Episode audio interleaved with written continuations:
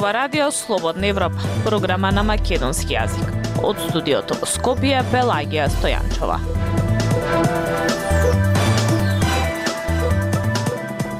Добар ден, почитувани го следите неделното интервју на Радио Слободна Европа. Огромно незадоволство преовладува во средните и во основните училишта пред стартот на новата учебна година. Па затоа постои огромна можност таа да започне со штрајк, вели Томислав Гиевски, преседател на независниот синдикат на образование и наука. Со него разговараме и за недостатокот на учебници, честите реформи во образованието и како сето тоа се одразува на квалитетот на наставата. Слушајте не го следавте неделното интервју на Радио Слободна Европа, во кое разговаравме со Томислав Гиевски, преседател на Независниот синдикат на образование и наука. Господине Гиевски, ќе почне ли учебната година на 1 септември или е можен штрајк со оглед на тоа дека ниту Независниот синдикат, ниту СОНК не се задоволни со оние 10% покачување на платите на вработените во образование? Апсолутно станува збор за огромно незадоволство кое што превладува во основните и средните училишта како резултат на понудените нискиот процент на понудени 10% од страна на владата преку општиот по колективен договор. Да, постои огромни шанси да се да учебната година да започне со штрајк. Ние како независен синдикат за образование и наука активно работиме на укрупнување на сила да со цел да можеме да го реализираме тој процес. Се разбира доколку и побројните синдикати, односно побројниот синдикат го искористи тоа право, ние сме тука да се солидаризираме и да ги укрупниме силите за да го за да ја оствариме таа цел. Револтот потекнува бидејќи поради најавените промени во секторот образование кои што не се совпаѓаат со законите. Револтот исто така е поради ниската подпросечна плата, но најголем е револтот на просветните работници поради непочитувањето на колективните Што е она што синдикатот го бара? Основната работа која што е бара независниот синдикат и основната причина поради која што се формира независниот синдикат за образование и наука во 2018 година е целосно почитување на колективните договори колективните договори во секторот образование, оние за основни за средно кои што потекнуваат од 2008 година, некаде од 2013 во целост не се почитуваат, односно не се почитува методологијата за пресметка на плата. За да биде запознаена пубаво јавноста, методологијата на пресметка на плата за вработените во секторот образование се состои од коефициент помножено со најниската плата за најнизок степен на сложеност во државата. Кај нас во секторот образование се користи најниска плата која што е многу пониска за висок процент пониска од минималната плата на државно ниво која што е. Со тука на тој начин грубо се крши законот, се намалува платата на просечните работници незаконски и се создава просечните работници да бидат подпросечно платени, односно живееме во држава која што е единствената во Европа во која што просветните работници се платени со почетна плата која што е пониска од републичкиот просек во државата. Наставник, стручен соработник во основно образование добива плата од 29.200 денари, а знаеме сите дека просечната плата во државата е 35.500 денари, а доколку се спроведе во целост колективниот договор онака како што пишува или на исти начин како што и јавните функционери го испочитува законот и си ги зголемија платите за 78%, просечната, да, односно почетната плата на проседните работници треба да изнесува 2,5 пати од минималната плата. Таа е таа што имаме по закон.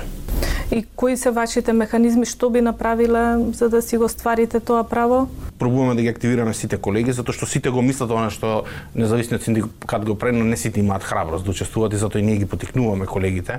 Во образованието многу пати се случиле големи неправди спрема работниците, многу луѓе кои што пробале да се спротистават на неправдите добиле одредени реперкусии, ние пробуваме да го промениме тоа да ги охрабриме колегите, ги заштитиме и едноставно така охрабрена фела заслужува македонската јавност заслужува да има, односно населението во државата заслужува да има наставници кои што ќе бидат храбри, кои што ќе бидат образот на државата и кои што ќе ги научат идните поколенија дека на неправдите треба да се спротистават и затоа и тоа ние го правиме и ќе продолжиме на тој начин да ги охрабруваме колегите, се повеќе ни се приклучуваат од ден на ден, се повеќе општински организации и школски организации правиме со цел да ја постигнеме. Стравувате ли ви од такви притисоци како што велите имало во минатото?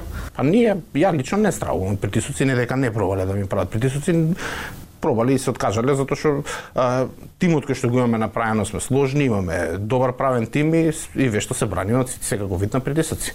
Е тоа пробуваме да го пренесеме и ке сите останати колеги Ке почне наскоро учебната година и повторно оној проблем што го имаше лани, нема сите ученици да добијат учебници, најголем дел вели министерот ќе добијат, но не и учениците од трето и шесто. Вие сте и наставник, предавате географија. Како е да се предава ако нема учебник?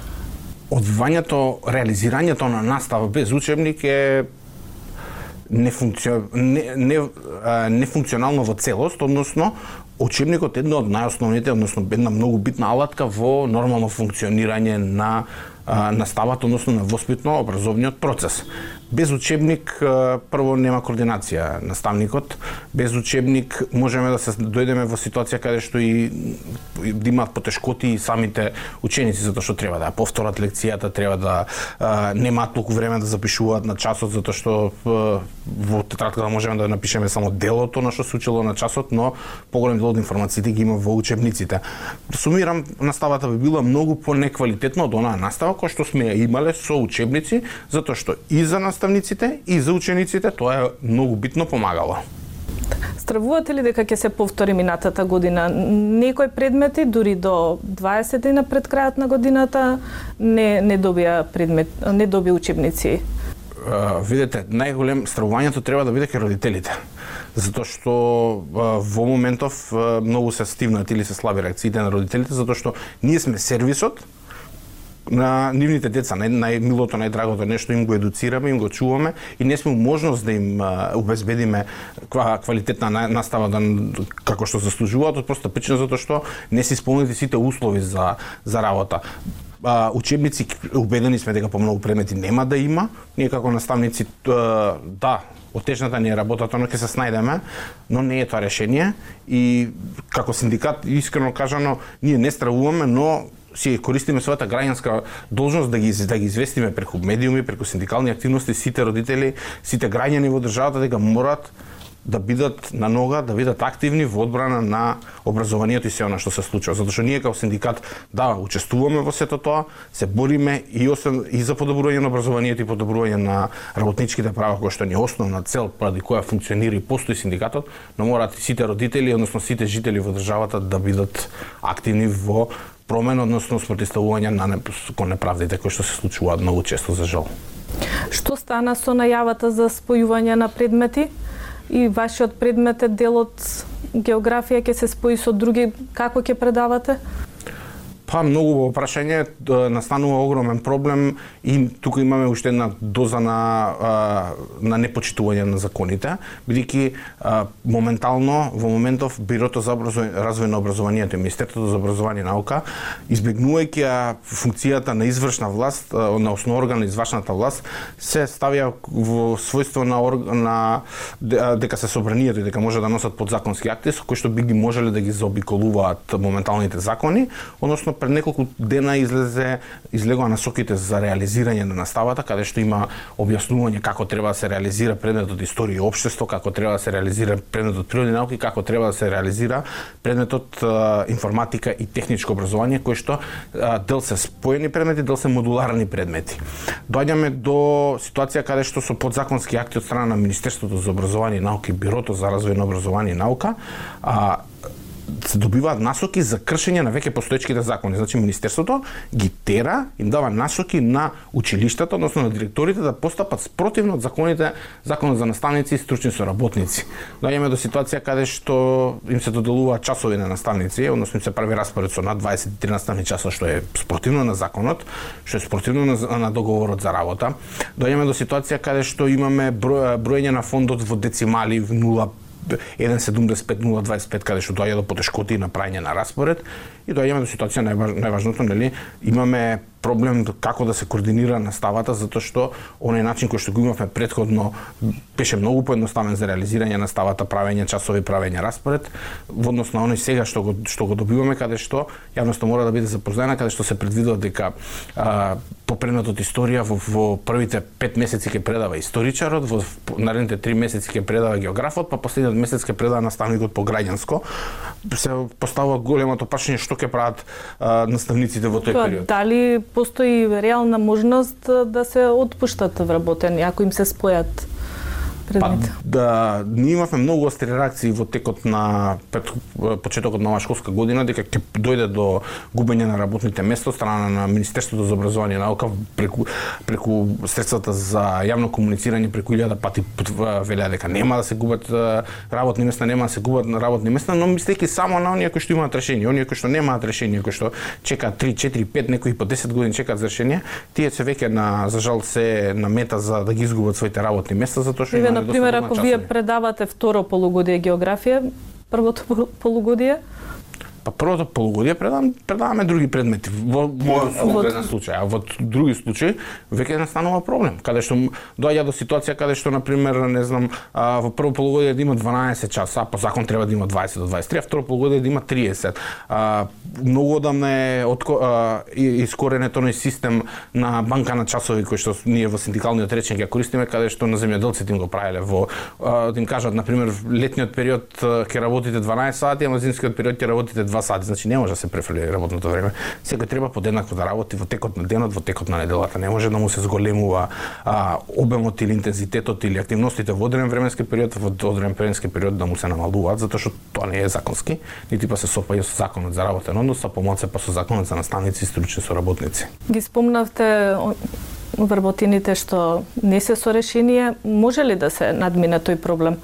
Може може многу едноставно да се надмине. Жал ми е мене што после многу а, протести, после многу јавни настапи, многу пати сме ги повикале колегите дека мора да се охрабрат, мора да се придружат во независниот синдикат или да формираат нови синдикати кои што нема да бидат од капата на политичките партии или владините функционери и да се спортистават на неправдите, затоа што неприродно е во едно училиште на месечна или на годишна основа по еден двеца да губат работното место, а останатите да, да гледаат и да велат е добро е ова мене не ми се случи. Значи мора да се спортистават, мора да се, мора да ги пријават сите неправди, мора да на било каков начин, а се разбира тука независниот синдикат заедно со сета медиумска мој, со со сите ресурси, со големиот број на адвокати и правници кои што ги имаме, затоа што мене многу ми е жал кога работник после година две ќе ми каже за неодредено нешто што се случило, а ние сме можеле да му помогнеме, но ете не собрал храброст да реагира.